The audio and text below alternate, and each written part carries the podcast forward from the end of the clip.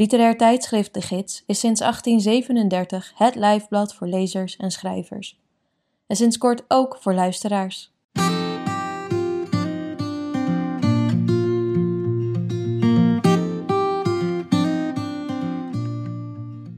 Je luistert naar Sprekende Letteren, een podcast met verhalen, essays en poëzie uit de gids, voorgelezen door de schrijver of dichter zelf. In deze aflevering hoor je Lotte Lentes. Ze is een van de jonge schrijvers die door de gids en Vlaams-Nederlands Huis voor Cultuur en Debat De Buren werd uitgenodigd voor Eenzame Avonturen, een talentontwikkelingstraject voor literaire non-fictie.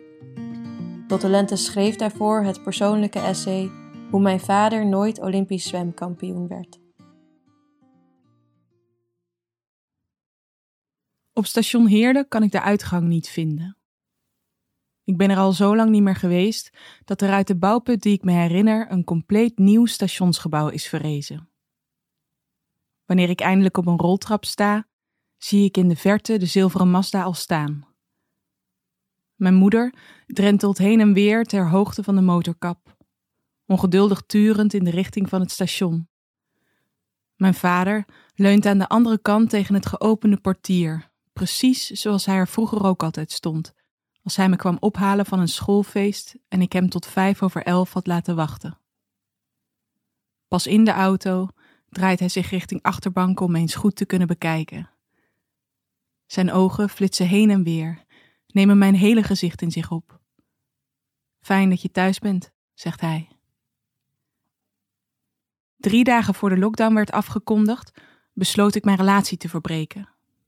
Omdat een gezamenlijke quarantaine mij de vreedste vorm van afscheid nemen leek, belde ik mijn moeder op of ik voor even thuis mocht komen logeren. Ik kan niet zo goed met abrupte veranderingen omgaan, daarom hield ik mezelf voor dat het maar voor even was. Een week, hooguit tien dagen. Het lukte me mijn tranen te verbijten, totdat ik gedag moest zeggen tegen onze hond die zich uitgebreid liet liefkozen en het zout van mijn wangen likte. Uit gewoonte liep ze mee naar de voordeur, waar ik haar niet aanlijnde, maar gebood te blijven zitten tot ik de deur achter me had dichtgetrokken. Na 48 uur bij mijn ouders thuis kunnen we niet meer doen alsof ik op bezoek ben. Ineens zijn we weer met z'n drieën. Staan mijn afgetrapte sneakers in de gang en heb ik mijn vaste plek aan de keukentafel ingenomen met mijn vader links en mijn moeder rechts van mij. Aan de muur boven de keukentafel hing mijn vader vlak nadat ik uit huis was gegaan een ingelijste foto van mij op, waardoor mijn ouders de afgelopen tien jaar al hun maaltijden nuttigden in een gespiegelde versie van hoe het ooit was. Ik kan niet van mijn bord opkijken zonder dat mijn jongere zelf oogcontact met mij zoekt. Mijn vader is ouder geworden de afgelopen maanden hij beweegt zich trager en is magerder in zijn gezicht. We lijken nog steeds veel op elkaar. Onze lichamen zijn bonkig en compact, meer gemaakt voor de explosieve sprint dan voor het lange afstandslopen. Bovendien hebben we allebei Pools bloed, wat onze bleke huid verklaart, die zo anders is dan de olijfkleur van mijn moeder. Door die uiterlijke overeenkomsten heb ik me altijd meer verwant gevoeld met de familiegeschiedenis van mijn vader Daarnaast delen we een geboortestad, Trier, een middelgrote stad in het zuidwesten van Duitsland, vlakbij de grens met Luxemburg. De afstand tussen onze geboortehuizen bedraagt hemelsbreed 150 meter. Wie van huis naar huis loopt, moet door de Neustraße. Op nummer 38 is sinds een paar jaar een speciaalzaak voor radiografisch bestuurbare auto's gevestigd.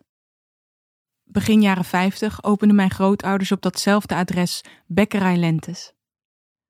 Het pand was onderdeel van een kloostercomplex met kerk dat de oorlog niet overleefde, op de steenkoolovens na, die in de bakkerij dankbaar werden hergebruikt. Mijn vader speelde tussen de ruïnes. En tijdens de wederopbouw verrees op het fundament van het ambulatorium een christelijk gymnasium van donkergrijs steen. De school staat er nog steeds, in tegenstelling tot de bakkerij, die haar deuren sloot lang voordat ik geboren werd. Maar de verhalen over de Neustraße 38 waren zo alomtegenwoordig dat mijn vaders vroegste herinneringen met mijn eigen jeugdherinneringen verweven zijn geraakt. In Nederland heeft hij nooit helemaal goed kunnen aarden. Er klinkt verlangen in zijn stem zodra Trier ter sprake komt. En herinneringen die zich in Duitsland afspelen lijken levendiger dan alles wat zich voordeed aan de andere kant van de grens.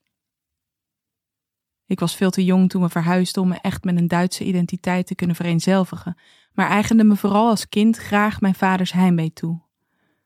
Trier was in mijn fantasie een magische plek. De geschiedenis waar mijn vader en ik uit voortkwamen woog zwaarder, kreeg meer betekenis, juist omdat ik er niet direct toegang tot had. Voordat mijn vader mijn vader werd, moest de muur nog gebouwd worden en ook weer vallen. 41 was hij toen ik in september 1990 aan het einde van een hete zomer werd geboren. Tegen de tijd dat we naar Zuid-Limburg verhuisden, werkte hij net over de grens als wijkverpleegkundige in Aken. Hij reed een witte Ford K met op de zijkanten het rode logo van de katholieke organisatie waarvoor hij werkzaam was. Aangespoord door de glimmende stethoscopen, insulinespuiten en bloeddrukmeters die permanent op de achterbank lagen, was ik in de veronderstelling dat mijn vader dagelijks levens redde. In werkelijkheid verzorgde hij een eindeloze stoet weerbarstige oude mensen en tilde hij zijn rug kapot aan obese patiënten. Van levensredden was geen sprake. Soms duurde het een paar weken, soms een aantal maanden. De mensen die hij verzorgde gingen uiteindelijk allemaal dood. Als kind kwam hij mij voor als een reus. Hij was streng, maar op een zachtaardige manier. De weinige woorden die hij zei kwamen eruit in zalvend Duits en je zorgde dat je ze stuk voor stuk had gehoord. De auto van zijn werk stond vaker niet dan wel op onze oprit, en zijn afwezigheid zorgde ervoor dat hij uitgroeide tot een figuur van mythische proporties met een monopolie op het gelijk. Discussies, groot en klein, werden door hem aan de ontbijttafel binnen tien minuten beslecht. Mijn mening over goed en kwaad, over mooi en lelijk, over hoe te leven en hoe dood te gaan, was mijn vaders mening, waarmee ik me kritiekloos leerde vereenzelvigen. Nur das Ergebnis zählt, was zijn adagium. Wat zoveel betekent als kom op tijd, werk hard en klaag niet. Hoewel mijn vader al lang niet meer het toonbeeld van fysieke kracht is dat hij ooit was, is hij nog steeds veel sterker en bewegelijker dan een gemiddelde man van 71. Als ik aan het einde van de eerste week lockdown thuiskom van een wandeling, balanceert hij op een eindeloos hoge ladder die tegen het dak van het huis is gezet. In een grijs waadpak staat hij met een hoge drukspuit het mos van de dakpannen te spoelen. Ik glip door de openstaande garagedeur naar binnen en hoop dat hij mij niet heeft gezien. Ik wil hem niet uit zijn concentratie brengen of laten schrikken. In gedachten zie ik hem al die meters naar beneden tuimelen te pletter vallen op de tegels van de oprit, opgebaard liggen in een sobere spaanplaten kist. Met mijn hand op de klink van de achterdeur luister ik nog een paar seconden naar het geluid van de hoge drukspuit en het natte geklets van het mos. De eerste drie weken gaan snel voorbij. Ik denk vaak aan de hond en hoe gedwezen op mijn commando bij de voordeur bleef zitten wachten. Ik had haar uitgebreider gedag gezegd als ik had geweten dat het zo lang zou duren, maar mezelf met die gedachte om de oren slaan levert niets op. Mijn vader, moeder en ik leven in een afgemeten ritme dat veel weggeeft van hoe het was toen ik nog thuis woonde. Het grote verschil is dat ik me als puber het liefst onttrok aan alle gezamenlijke activiteiten, terwijl ik nu juist naar mijn ouders toe beweeg. Hun aanwezigheid is niet meer zo vanzelfsprekend als toen. Wanneer mijn vader en ik voor de bokzak staan, die hij met een reusachtige oogbout aan het plafond van zijn werkkelder heeft gemonteerd, sommeert hij mij handschoenen aan te doen. Je hebt geen eelt op je knokkels, anders ga je bloeden, zegt hij. Hij vraagt me iets door mijn knieën te zakken. Maar als ik dat doe, corrigeert hij me. Niet door aanwijzingen te geven, maar door mijn voeten, knieën, heupen, ellebogen, schouders, kin, armen en vuisten eigenhandig in positie te brengen jab, cross, hook. Al jaren oefent hij elke dag opnieuw deze drie technieken. Hij heeft geen aspiraties ooit de ring in te gaan, nooit gehad ook. Hij doet niet aan touwtjes springen of aan sparren. Hij ontwijkt geen klappen van een denkbeeldige tegenstander. Hij oefent elke dag om stipt tien uur uiterst beheerst die drie basisstoten. Niets meer, niets minder. 20 keer met rechts, 25 keer met links, om het dominantieverschil tussen de twee armen uit te balanceren. Overal in huis hoor je de doffe klappen. Ik heb hem zelf gevraagd of hij mij iets over dat boksen wil leren, maar binnen vijf minuten heb ik spijt. Er is geen beweging die ik kan maken of mijn vader heeft er iets op aan te merken. Telkens als ik me schrap zet voor een jab, cross of hook, moet er iets anders. Ik moet nog verder door mijn knieën. Mijn vuisten moeten hoger en mijn kin juist omlaag. Dat rare dribbeltje is nergens voor nodig en waarom trek ik mijn schouders zo hoog op? Nur das Ergebnis zählt. Er zit geen venijn in zijn opmerkingen, maar wel een vastberadenheid die hij ook bij mij als vanzelfsprekend veronderstelt. Elke beweging is een betekenisvol ritueel dat volledige concentratie vereist. Van plezier is geen sprake. Hier wordt verspilling tegengegaan. Van tijd en ruimte, van energie. Op afstand heeft die compromisloosheid iets heroïs. Een aantrekkingskracht die ik als kind al ervoer. Wilde ik niet precies zijn zoals hij, onverstoorbaar, sterk? Maar nu ik voor die bokzak sta, mijn handen in zweterige handschoenen gestoken, ervaar ik ook de absurditeit ervan. Het benauwt me. Niet de handelingen zelf, maar de ernst waarmee ze klaarblijkelijk moeten worden uitgevoerd. In mijn onderbuik ontbrandt een woede die ik al lang niet meer heb gevoeld. Ineens lijkt mijn hele leven zich tot twee mogelijkheden te beperken: het opgeven, de handschoenen uittrekken en in een hoek gooien, de teleurstelling van mijn vaders gezicht afzien druipen, of tegen de bokzak blijven meppen totdat ik van uitputting niet meer op mijn benen kan staan, in de wetenschap dat het nooit perfect zal zijn, dat ik nooit helemaal aan zijn verwachtingen zal voldoen.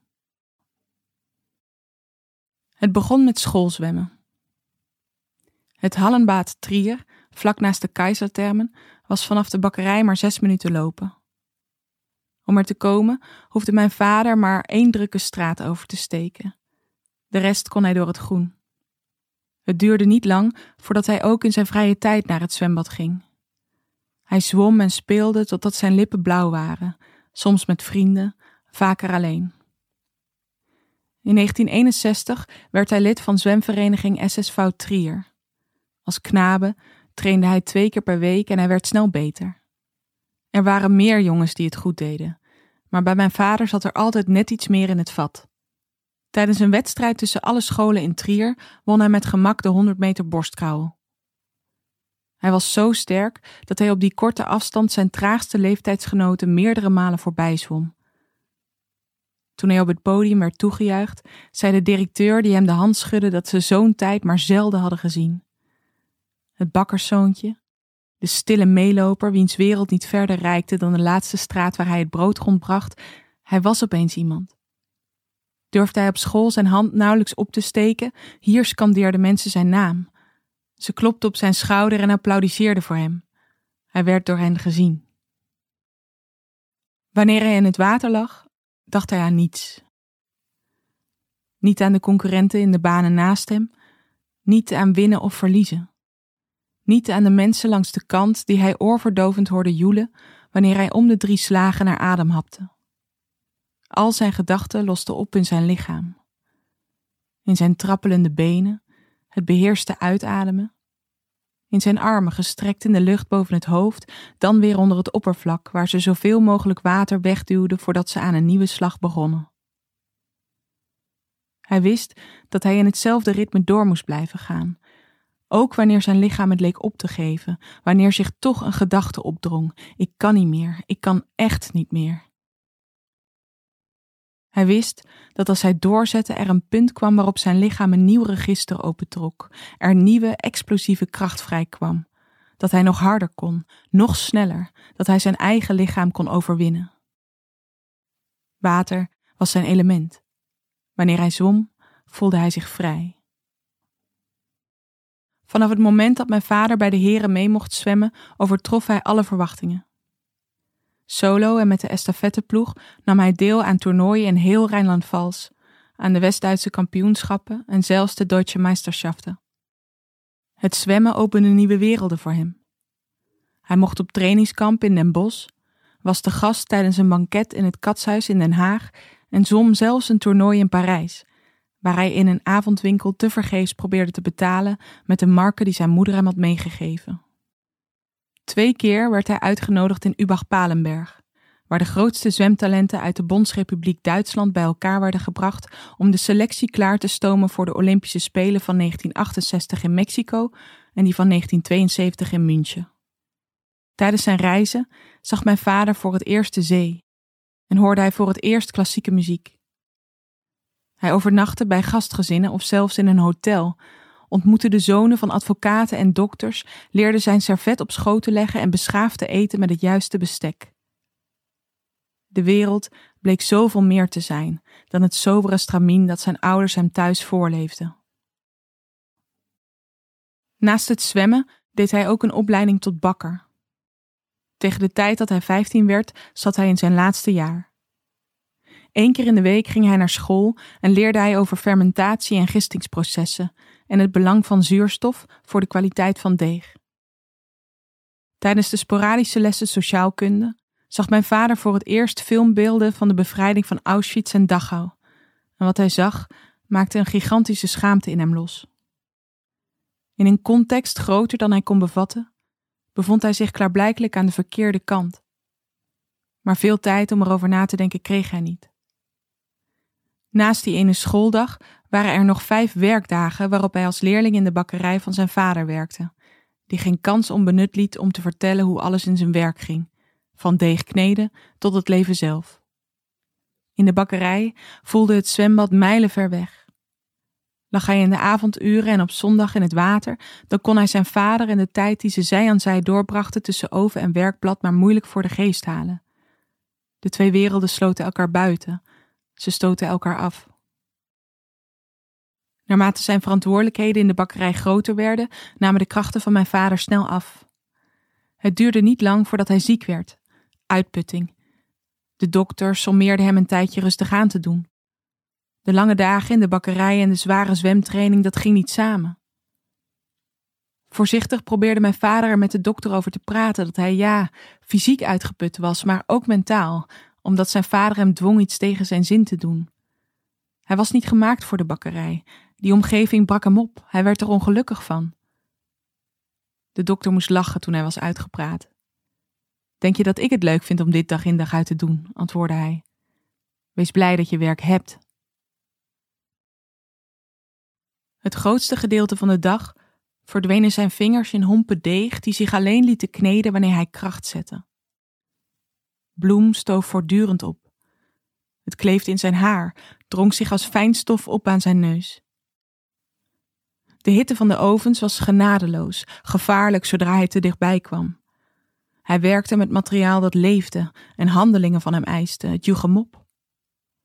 Het deeg moest rijzen, maar niet te lang, dan sloeg het dood. Wanneer iets uit de oven kwam, moest iets anders erin, anders ging er hitte verloren en de bel klingelde onophoudelijk. Hij hoorde stemmen uit de winkel komen, soms zelfs gelach. Maar de mensen die in en uit gingen waren voor hem onzichtbaar. Aan het einde van de dag waren de rekken in de winkel leeg en was het alsof hij niets had gedaan. Alle dagen leken op elkaar. Hij begon ze woedend achter een schoon werkblad en eindigde ze dertien uur later, even woedend en op dezelfde plek. Er werd mijn vader niets verboden of ontnomen. Hij groeide simpelweg in het werkende leven waar hij voor was voorbestemd. Zwemmen deed hij steeds minder. Dat bleef achter in zijn kindertijd. Of hij toch niet stiekem fantaseerde van een leven als professioneel zwemmer, weet hij zelfs niet meer. Ook al was hij dicht bij de Olympische selectie, zo'n grote droom leek voor hem als bakkerszoon in naoorlogs Duitsland simpelweg nooit echt aan de orde. Alfred Vries, een van de jongens uit mijn vaders estafetteploeg won in 1965 de Deutsche Meisterschaften op de 200 meter borstkrauwel. Dezelfde Alfred trouwde met de dochter van de directeur van de zwemvereniging en ging bij een bank werken, waar hij werd gecompenseerd voor de dagen dat hij moest trainen. Mijn vader was tegen die tijd al met wedstrijdzwemmen gestopt. In de bakkerij hield hij het precies vier jaar vol. Hij werkte er met zoveel zichtbare tegenzin dat zijn vader hem in de zomer van 1969 zei dat hij na de twee weken betriebsoorloop niet meer terug hoefde te komen. Of dat echt zijn wens was, of eerder een dreigement waarvan hij nooit had gedacht dat mijn vader er daadwerkelijk gehoor aan zou geven, is onduidelijk. Hoe dan ook, in zijn Simca reed mijn vader die zomer naar Brussel en daarna naar Zierikzee. Het werd herfst, maar hij kwam niet terug. Ik moet een jaar of acht geweest zijn toen ik een keer mee mocht naar mijn vaders werk en hem voor het eerst in zijn witte verpleeguniform zag. Dat uniform heeft toen zoveel indruk op mij gemaakt dat ik tot op de dag van vandaag na elk doktersbezoek mijn vader bel om te controleren of ik niet voorgelogen ben. Ook nu, ik heb met het Japanse koksmes in mijn linkerwijsvinger gesneden, loop ik met mijn vinger gewikkeld in een theedoek zonder nadenken aan mijn moeder voorbij naar mijn vaders werkkelder. Sinds hij met pensioen is, is hij daar het grootste gedeelte van de tijd te vinden. Hij snijdt er dieren uit hout, materiaal waar hij raad mee weet. In de loop der jaren heeft zich in die kelder een imposante hoeveelheid gereedschap verzameld. Tegen de muren verrezen stellages vol schapjes en vakjes, voor schroeven en moeren, vijlen en tangen op Madurodam-formaat. Centraal tussen die muren staat een L-vormige werkbank met een bankschroef waar mijn vader zijn vingers zo vaak omheen gesloten heeft dat de zwengel kleine uitsparingen vertoont waar het hout glad en glanzend is opgevreven. Tegen de tijd dat ik zestien werd, gingen alle gesprekken met mijn vader over respect. Ik had daar niet genoeg van, vond hij. Niet voor hem, niet voor mijn moeder, niet voor de gestofzuigde gang waar ik met mijn bemodderde schoenen doorheen banjerde, niet voor de fiets met twaalf versnellingen waarvan ik niet wist hoe hard ervoor gewerkt moest worden om haar te kunnen betalen. Ik had ook geen discipline. Er was mij te veel gegund, ik gaf te snel op. Mijn vader begon steeds vaker zijn stem te verheffen. Maar echt woedend was hij in stilte. Dan vernauwden zijn ogen zich en omklemde hij het tafelblad zo stevig dat al het bloed uit zijn vingertoppen verdween. Ik was op die leeftijd niet meer bang voor hem. En ook het ontzag voor zijn witte uniform was al lang verdwenen. Ik was overmoedig en keek op hem neer. Bij gebrek aan een beter verwijt wierp ik hem vaak voor de voeten dat hij te weinig thuis was om over mijn karakter of mijn gedrag te kunnen oordelen. Inhoudelijk was het een prutsargument, maar het deed hem zichtbaar pijn als ik het zei en daarmee was het doeltreffend. Verbaal kon ik hem overrompelen. Volgens mijn moeder kwam dat doordat ik als eerste van de familie een middelbare school bezocht. Het gymnasium nog wel, waar ik tussen de middag worstenbroodjes at bij de familie Franke. Die hadden een zwembad in de kelder, een vleugel in de woonkamer en ze gingen op vakantie naar plekken die ik op de wereldkaart niet eens wist aan te wijzen. Zo kan het dus ook, dacht ik. Groots leven, het breed laten hangen, niet dat gerommel in de marge dat leven met je hoofd omlaag. Als het bloed is gestelpt, knipt mijn vader een extra lamp aan om de wond goed te kunnen bekijken. Uit een van de lades onder de werkbank komt een verbanddoos tevoorschijn, waar hij uitvoerig in rommelt totdat hij heeft gevonden wat hij zocht. In stilte maakt hij de wond schoon. Als hij mijn vinger begint te verbinden, mompelt hij dat ik ordentelijke handen heb. Keurige handjes, je kunt wel zien dat daar niet zoveel mee wordt gewerkt, zegt hij. Ik weet niet precies hoe zwaar ik eraan moet tillen, maar ik hoor een oordeel in zijn woorden. Mijn vaders eigen handen, die hij behoedzaam rondom de mijne beweegt, zijn zichtbaar gehavend geweest en weer geheeld. Ze dragen sporen van de havens en de fabrieken waar hij ooit heeft gewerkt, van de huizen die hij heeft verbouwd. Tijdens het boksen heeft hij geen handschoenen nodig, eelt genoeg. Er zit romantiek in dat zware fysieke werken. Het zit in ons bloed, in alles wat aan ons vooraf ging. Hij put daar trots uit en ik in zekere zin ook. Tegelijkertijd wijk ik af. Het harde werken van de generaties voor mij heeft ervoor gezorgd dat ik een aantal sporten op de maatschappelijke ladder mocht overslaan. Er loopt een breuklijn tussen mijn vader en mij, waarvan ik niet zeker weet of hij mij die heeft opgelegd door het sobere leven dat hij mij voorleefde, of dat ik die lijn zelf heb getrokken, omdat ik me schaam. Ik ben uit de rij gestapt, uit de geschiedenis gevallen.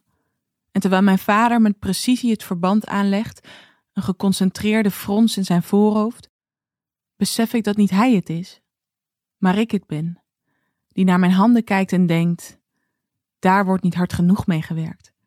Daar zou harder mee gewerkt moeten worden. Op de vrijdag van de zesde week sjouw ik mijn koffer de trap af en zet hem klaar naast de voordeur. We ontbijten in stilte. Het afscheid is op een vreemde manier beladen, alsof ik voor een tweede keer uit huis ga. Ik heb een nieuwe woonruimte gevonden, maar zie er tegenop om in het oude huis van het uitgestelde afscheid een definitief afscheid te maken. Bovendien groeit in mijn borstkas de angst dat de hond me niet meer zal herkennen. Als ik op mijn telefoon de treintijden opzoek, hoor ik de sloffende voetstappen van mijn vader op de keldertrap. Op de keukentafel stalt hij van alles uit: een reisflacon desinfecterende gel, latex handschoenen, twee mondkapjes en een flesje water. Hij kijkt naar het vreemdeste leven, twijfelt kort en legt er nog een appel bij. Ik heb mijn vader maar één keer echt voluit zien zwemmen. In een verlaten buitenbad op een camping in de Ardennen. Ik herinner me het geluid van woest opspattend water, zijn wijd opengesperde mond telkens wanneer hij boven kwam, het monotone ritme van zijn slagen en de golven die daardoor werden veroorzaakt. Vlinderslag zo krachtig dat hij het zwembad leeg leek te zwemmen. Van alle andere keren herinner ik me drukkere zwembaden en mijn vaders gemoedelijke schoolslag. Ik was het, die spartelend en buiten adem zo snel mogelijk de andere kant probeerde te bereiken.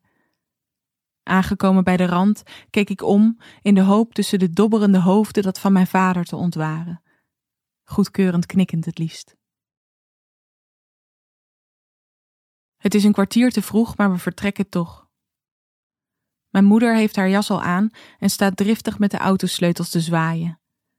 Ik draai me om naar mijn vader en sla mijn armen om hem heen. Hij geeft wat klopjes op mijn rug en zo staan we een tijdje, totdat hij voorzichtig afstand neemt. Houd die oren stijf, zegt hij. Wat zoiets betekent als hou je haaks, al klinkt het in het Duits minder lullig. Als mijn moeder de auto van de oprit afmanoeuvreert, kijk ik naar hem. Naar zijn versleten werkbroek, die smalle schouders, het blonde haar op zijn hoofd dat steeds dunner wordt, zijn serieuze gezicht. De man die daar staat is niet langer de reus uit mijn jeugd.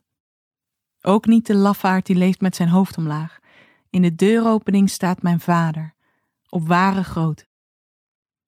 Hij glimlacht, steekt zijn hand in de lucht en ik zwaai terug net zo lang totdat hij achter huizen verdwenen is.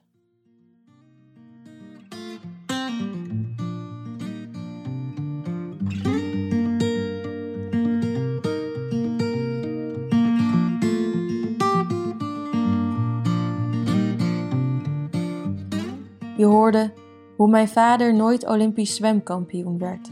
Een essay van Lotte Lentes. Lotte Lentes schrijft proza en theater. In 2017 verscheen haar verhalenbundel Een tweede keer kijken en momenteel werkt ze aan haar debuutroman. Wil je dit essay lezen? Dat kan. Alle bijdragen die je in sprekende letteren hoort zijn terug te vinden op onze website www.de-gids.nl. Wat je ook kunt doen op die website is een abonnement nemen op de gids. Vanaf 20 euro per jaar ben je abonnee en steun je het langstlopende literaire tijdschrift van Nederland.